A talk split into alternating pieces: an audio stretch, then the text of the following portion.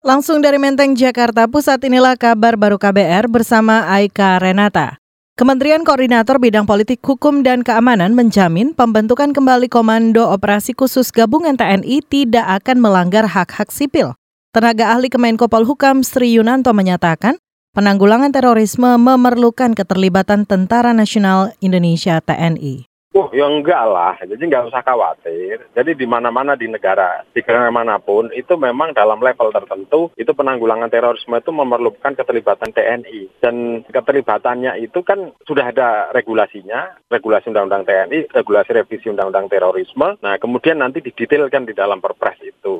Tenaga ahli Kemenko Polhukam Sri Yunanto menyatakan pembentukan Kopsus GAP akan mempermudah koordinasi dari pasukan elit pada TNI.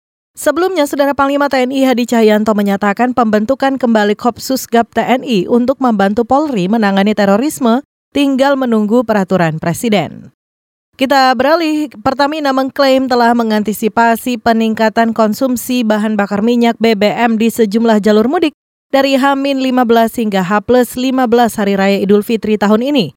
Juru bicara Pertamina Arya Dwi Paramita menyampaikan sejauh ini ketersediaan pasokan BBM untuk mudik aman? Untuk pasokan BBM di jalur mudik itu prinsipnya dalam kondisi aman. Kemudian pasokan yang kami siapkan juga sudah berada di atas rata-rata kondisi normal. Artinya pasokan itu sudah berada di sekitar 20 hari sampai dengan 40 hari keamanan stoknya. Juru bicara Pertamina Arya Dwi Paramita menyatakan Pertamina telah menyalurkan BBM ke 800 SPBU reguler dan lebih dari 100 titik layanan tambahan. Sementara itu ia menambahkan Pertamina memprediksi terjadi antrian panjang saat pengisian bahan bakar kendaraan mudik. Hal ini terjadi karena adanya penampungan kendaraan di stasiun pengisian bahan bakar SPBU. Kita menuju informasi lain, sepanjang 20 meter jalur lintas Gayo yang menghubungkan beberapa kabupaten di wilayah tengah Provinsi Aceh terputus. Wakil Koordinator Tim Reaksi Cepat TRC Badan Penanggulangan Bencana Daerah Aceh Tengah, Imran menyatakan jalur ini terputus setelah diterjang tanah longsor setebal 2 meter. Harapan kita dari Badan Penanggulangan Bencana, himbauan kepada masyarakat apabila menggunakan jalur pegasing celala, kalau bisa jangan malam hari, kalau bisa siang-siang karena intensitas hujan kita cukup lumayan tinggi. Jadi untuk masyarakat agar berhati-hati untuk menggunakan jalan tersebut. Wakil Koordinator Tim Reaksi Cepat BPBD Aceh Tengah, Imran, menambahkan longsoran ini mengakibatkan jalur lintas penghubung antar kabupaten menjadi lumpuh total.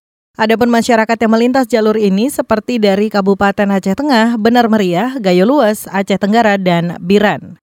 Satu informasi dari dunia mancanegara saudara Rusia dan Tiongkok sepakat untuk meningkatkan hubungan kemitraan strategis yang luas dalam menjalankan koordinasi untuk era baru. Keputusan itu diambil dalam pertemuan antara Presiden Rusia Vladimir Putin dan Presiden Tiongkok Xi Jinping yang sedang bertandang ke Rusia. Sementara itu dalam pertemuan tersebut Putin dan Xi mengkaji perkembangan hubungan bilateral kedua negara dalam 70 tahun belakangan ini. Kedua pemimpin sepakat untuk mempertahankan hubungan baik kedua negara serta kerjasama yang saling menguntungkan. Demikian kabar baru dari kantor Berita Radio KBR, saya Aika Renata.